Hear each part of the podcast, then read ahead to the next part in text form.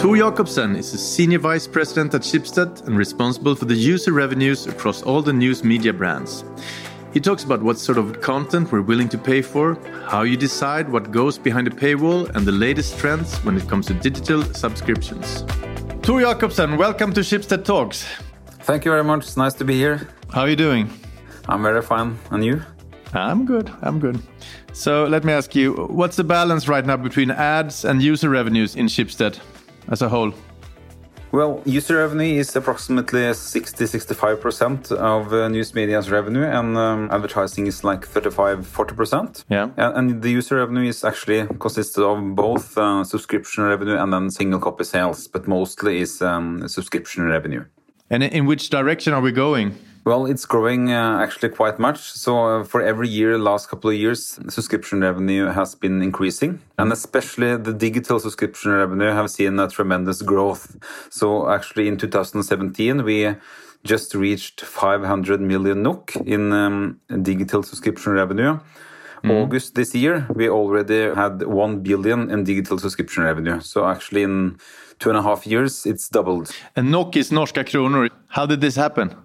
I mean, it's a lot of drivers for that, uh, both regarding the market. I mean, one thing is that we have a very big subscription trend. So, I mean, almost all industry is going towards subscriptions. We see it in uh, yeah, Amazon Prime, everybody knows about, but also Apple is going more and more into subscription services. Yeah. But also like the smaller companies, smaller industries. So so it's it's kind of a very big trend there.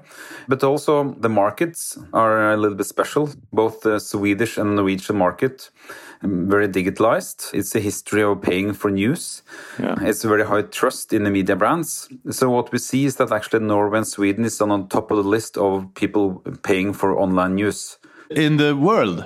In the world, actually. So oh. Norway is actually number one, and Sweden is number two. In Reuters Institute, they have a study every year yeah. uh, with I think it's like 50, 60 countries included in that study, and uh, Norway and Sweden is on the top of that list. Yeah, that's, so that's pretty special. So this may be a bit broad question. What sort of content are people willing to pay for then? Oh, that's a really, really broad uh, range of content. When it comes to VG then? Yeah, for instance, VG, I mean, if you look at three, four, five years ago, it was very much about relationships and sex, uh, I could say.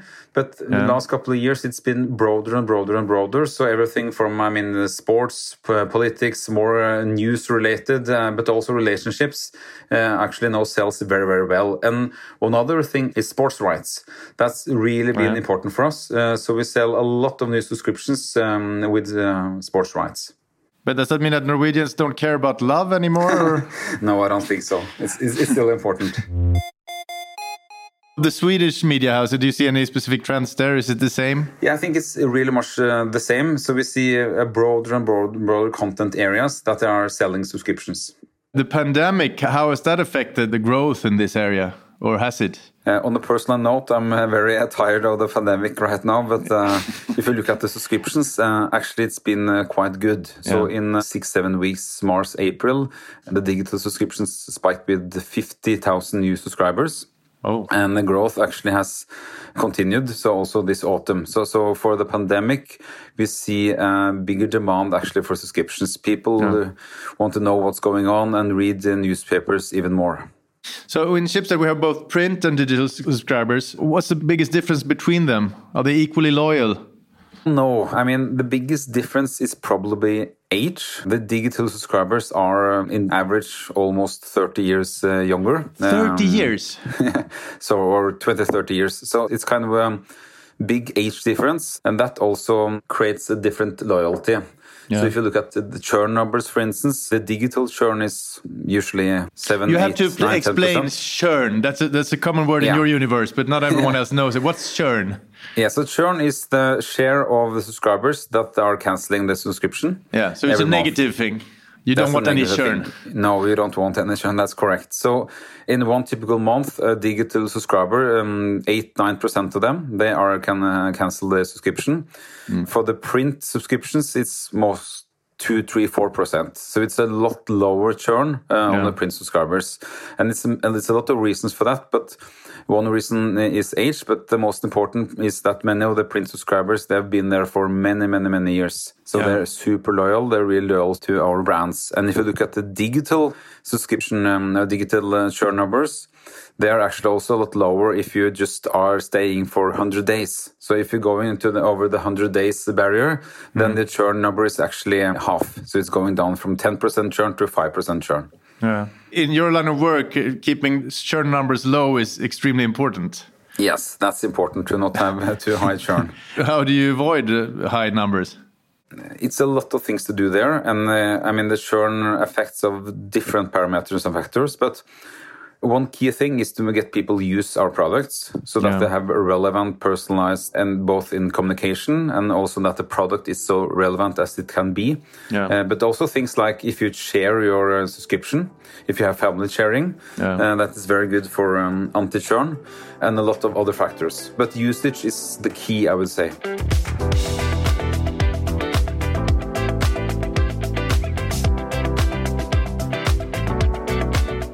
How do you decide what goes behind the paywall at VG or Svenska Dagbladet? The editorial team is deciding that, but in close collaboration with uh, consumer business. So from day to day, it's uh, very much driven what, what we think will be the best. But over time, this is uh, very much data towards this. So we know what kind of categories, what kind of articles, uh, uh, what is the best. So, so I mean, we are experimenting on a very many different uh, themes. So from day to day, the editorial team chooses the articles, but because we have done that so many days and so many weeks, we have a lot of experience, including the data. Yeah. So I work with Svenska Dagbladet a lot, and we have some special tool there that decides what goes behind the paywall, right? The Oracle, yeah. The Oracle, what is that? the Oracle is a data model choosing or suggesting for the newsroom if an article should be a paid article or an open article.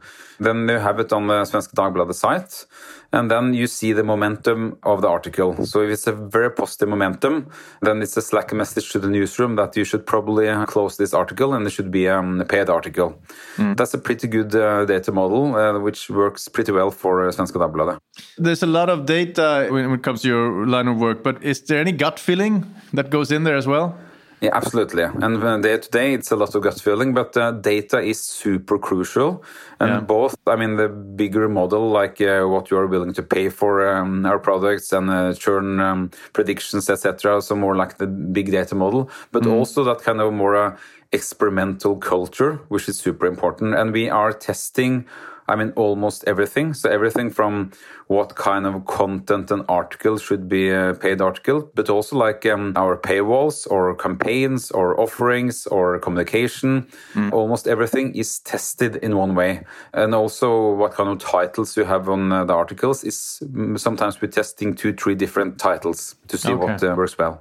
This willingness to pay for news in Scandinavia, is this good or bad for the journalist, would you say?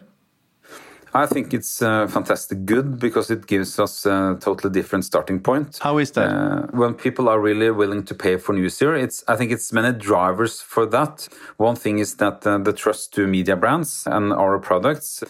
The good thing with subscription and willing to pay for news is that makes us be very on the um, customer side mm. because uh, I think the customer and us have the same um, incentive so I think the subscription model uh, forces us to be very consumer friendly, and I think that's a good thing both for journalism and also for our consumers. Pretty broad question. Do you see any specific trends when it comes to user revenues as a whole? Probably, I think that it will be a bigger subscription um, universe because yeah. print newspaper is a bundle. So it's a bundle between uh, very many different uh, themes and sections, etc. Yeah. And also, the subscription products today is actually a kind of a big bundle yeah. uh, with different themes. And I think that still will be important, and our core products uh, will be bundles because people don't want to choose between different uh, kind of uh, small niche products. But that being said, yeah. I think also it's a market for more niche products. So, for instance, sounds like podcast uh, subscriptions or more uh, for sports rights, for instance. So, I think what we will see in our next portfolio, we have more and more subscription products. Everything from uh, Podme to Knod to uh, Albert, which uh, is a mathematic game yeah, for children. From Gothenburg.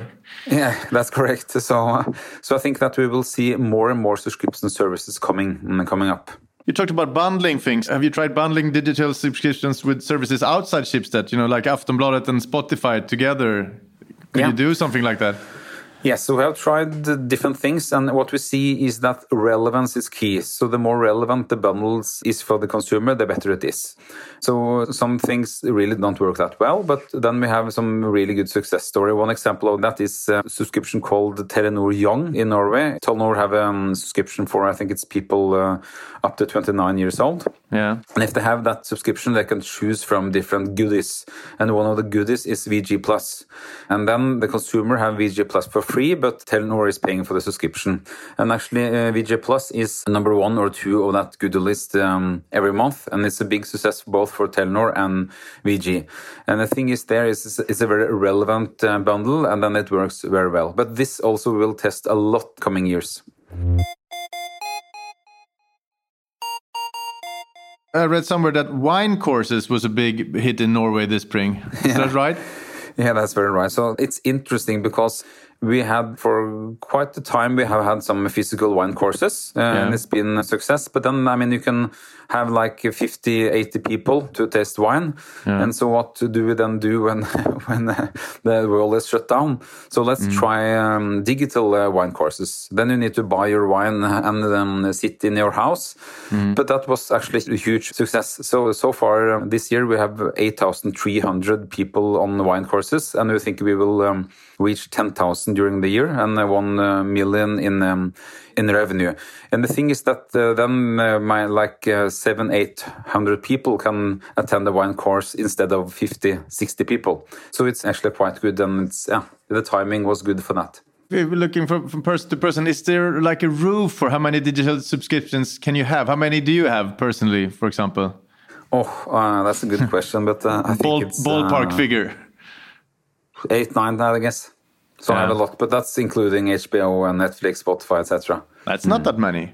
No, maybe not. Give me a, a, tip then, outside of Schibsted, so it's not a reclam. What's the best one? Which one should I really get? Depends on what you like. I think um, Spotify is by far the subscription I use most outside the Schibsted, but uh, you see that the subscription business model is so customer friendly. So it's very good for me to actually have a subscription because then I don't need to choose uh, what kind of movie or series or uh, uh, music or item I should buy every time. So I think we will actually see in in the future even more subscription services because it's so convenient for the user. You don't need to choose every time you do things. It is convenient, but when you have like 10 or 15, it becomes sort of a mess in your head. Yeah. Don't you think Schibsted should have some some service when you you know bundle them all together. Look at these subscriptions you have. Manage yeah. them here. Or do we already have that for the first question i think that um, looking at subscription fatigue or too many subscriptions, that can yeah. happen within the same category, I guess. So yeah. I don't think you need like uh, five video subscriptions or um, uh, five Netflix. Yeah. So in one category, it may be a mess. then the competition, for instance, within um, the streaming uh, is and will be extremely high. And then can it be a problem with so many subscriptions? Regarding Schibsted and bundle possibilities, we are looking into different tracks there. I think our core belief is that you should probably, the brands are so strong today, like Aftonbladet, Aftenposten, VG, etc. So mm -hmm. we think that the existing brands and um, probably a lot of new brands is the um, good starting point for different subscriptions, and that we can combine. I mean, your data. So, so I mean, your interest, your data, what you want to pay for it, etc. That yeah. should really drive what kind of subscriptions we should send to you and offer you. But also, we will test out what you are saying, which is more like a kind of a super bundle, like Amazon Prime or um, uh, yeah. Apple One, their new subscription, etc. And that is to kind of bundle all subscription services in Schibsted, like Schibsted Plus. Yeah. Um, what we will do there is to test a lot with our customers.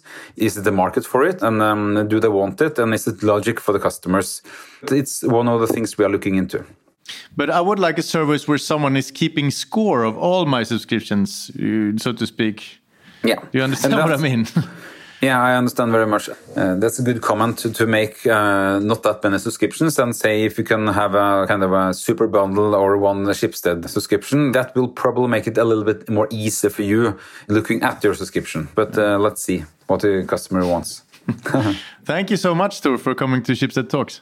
Thank you. Thank you very much. This podcast is brought to you by Schibsted Employee Branding Team. My name is Hugo Renberg and producer was Jens Back.